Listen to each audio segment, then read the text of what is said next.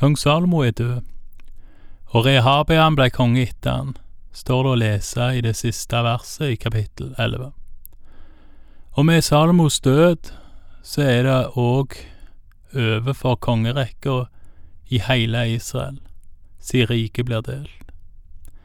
Arverekka etter David, og da etter kong Salomo, fortsetter i Sørriket, eller Juda, som er det riket som holder ut lengst.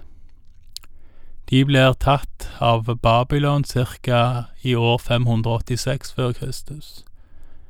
Israel havner i fangenskap ca. 136 år tidligere. Etter Salomos fall går det derfor mange år før rikene til slutt bukker unna, sjøl om de blir delt tidlig. I kapittel 11, når Nordriket blir lova til Jeroboam, så får han det samme løftet, eller de samme betingelsene av Gud som David og hans slekt har fått. Dersom han, altså da kongen, holder Guds bud, lover og forskrifter, så skal Gud bevare hans kongedømme og etterfølgernes kongedømme. Derfor vil det være to setninger eller uttrykk som går igjen i de kommende kapitlene fra dette kapitlet, og vel egentlig helt til slutten av andre kongebok. Og det er om en konge gjorde det som er rett, eller det som var ondt i Herrens øyne. Og da får en en måte å dele kongene inn på.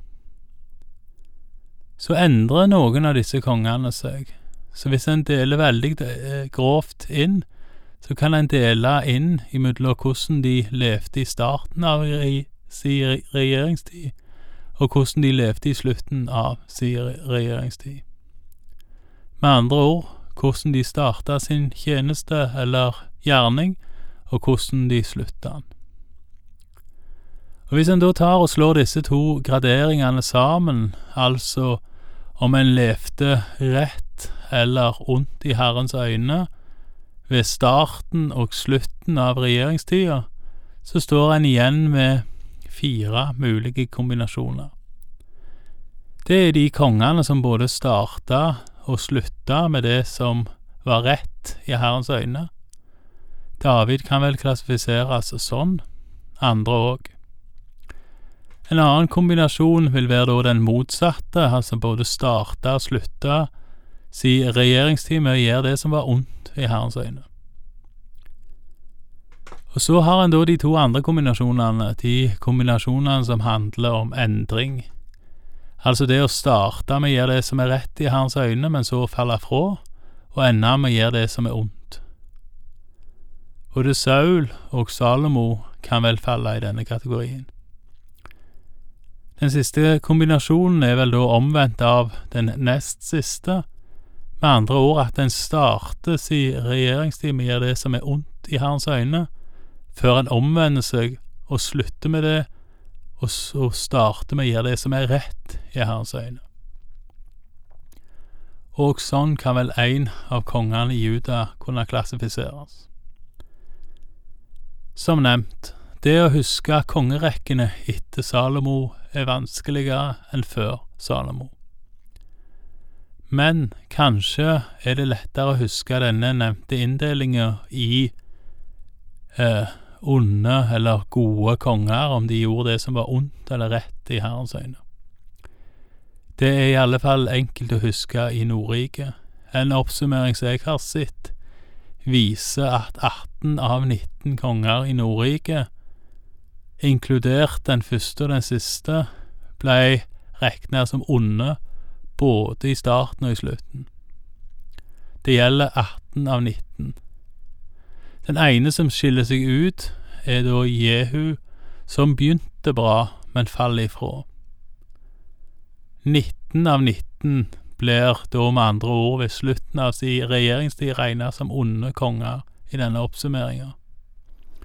19 av 19, alle sammen, dessverre lett å huske. I Judariket eller i Sørriket var det bedre, om ikke så veldig mye. Sjøl om dette riket besto lengre, så var det bare én konge mer, altså da 20. De regjerte med andre ord en del lengre. Rett over halvparten, elleve, blei da regna som onde både i start og i slutten. Tre gikk ifra en god start med at de gjorde det som var godt i Herrens øyne, og så falt de fra og endte med å gjøre det som var ondt i Herrens øyne. Én gikk som nevnt den andre veien, og kun fem, eller én av fire totalt sett, ble regna som gode ifra både i starten og i slutten. Disse fem gjorde det som var rett i Herrens øyne både i starten og i slutten. Med denne dystre innledninga starter vi på Juda og Israels kongerekker, som starter med oppspillet til at riket blir delt. Vi leser fra første kongebok, kapittel tolv, vers én. Rehabian dro til Sikhem, for hele Israel var kommet dit for å gjøre ham til konge. Dette fikk Jeroboam, sønn av Nebat, høre. Han var ennå i Egypt. Dit hadde han flyktet for kong Salomo, og der var han blitt boende. Nå sendte de bud på ham. Og så kom han og hele Israel samlet til Rehabiam og sa, Din far la et tungt åk på oss, men nå må du lette det harde arbeidet og det tunge åket som din far la på oss, så skal vi tjene deg.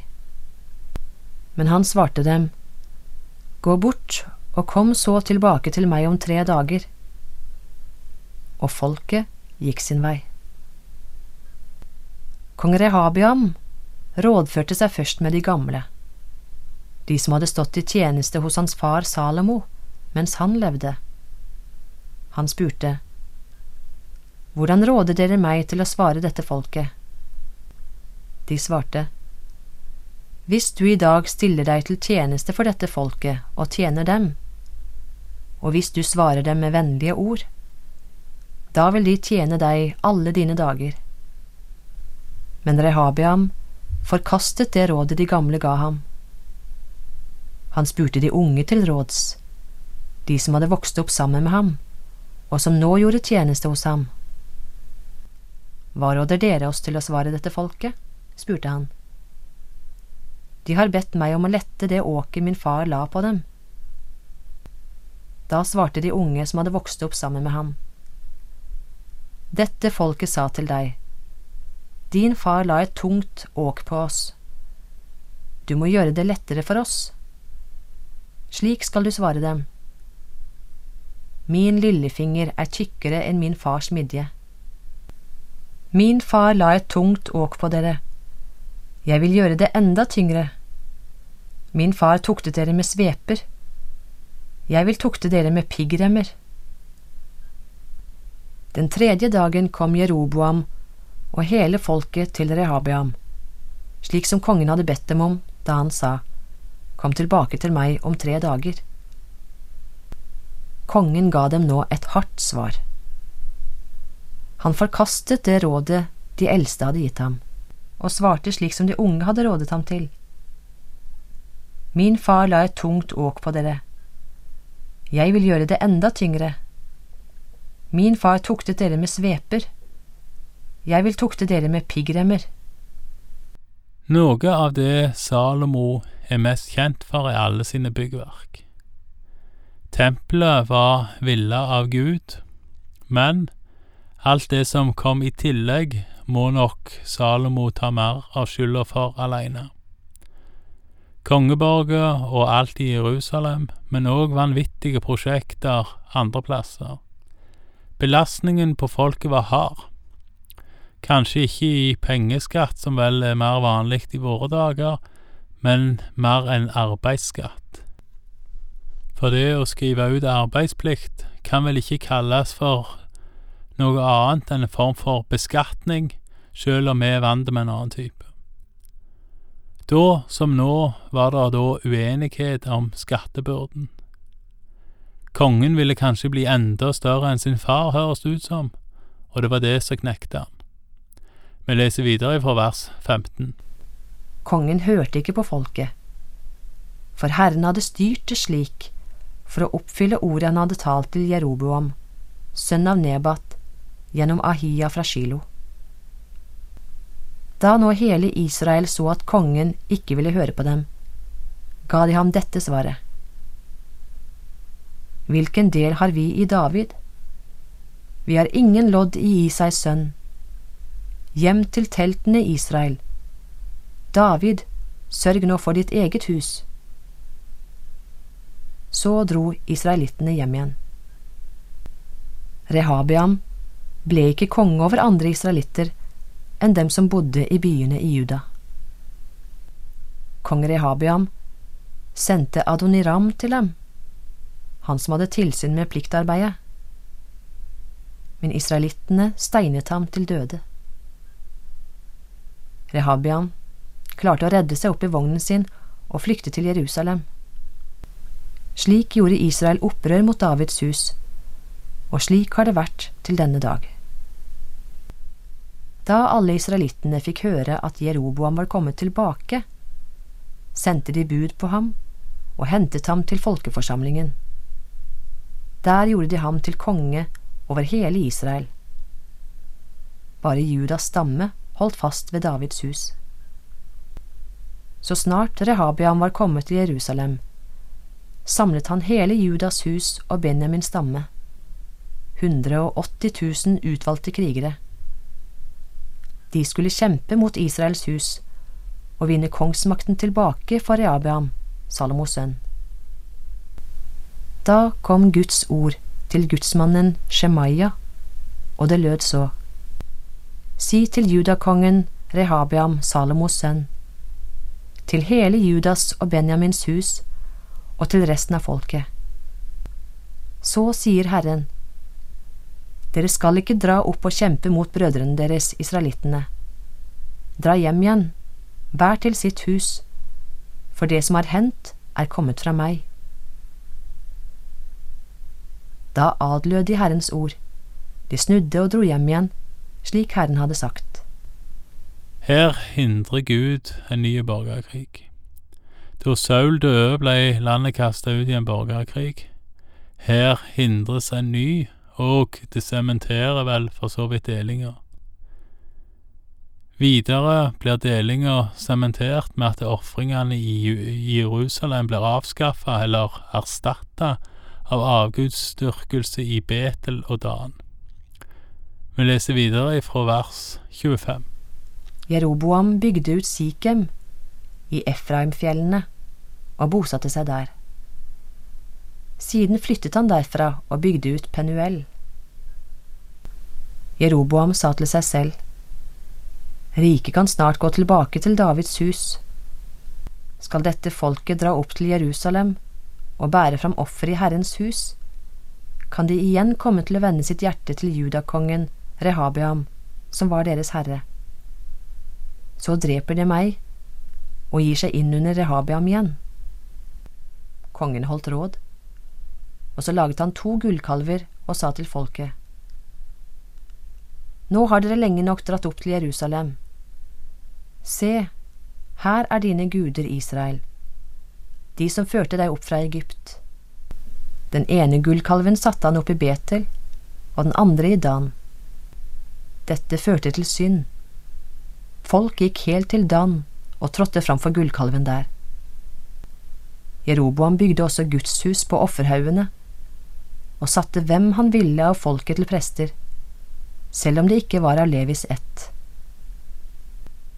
Den femtende dagen i den åttende måneden holdt Jeroboam en fest, i likhet med den store festen som feires i Juda, og han bar fram offer på alteret. Dette gjorde han i Betel.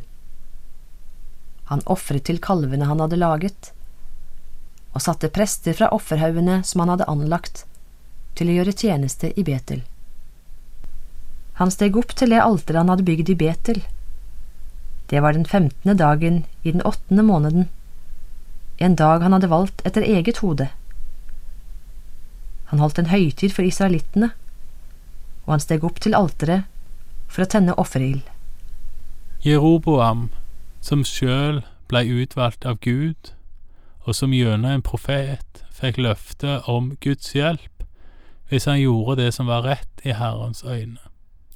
Sjøl han, altså sjøl Jeroboam, valgte rett etter at han var blitt konge, å bygge to nye altere og to gullkalver som er klare avgudsdyrkelse.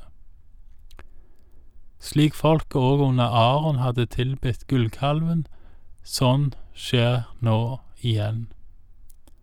Takk for i dag, og Herren være med deg.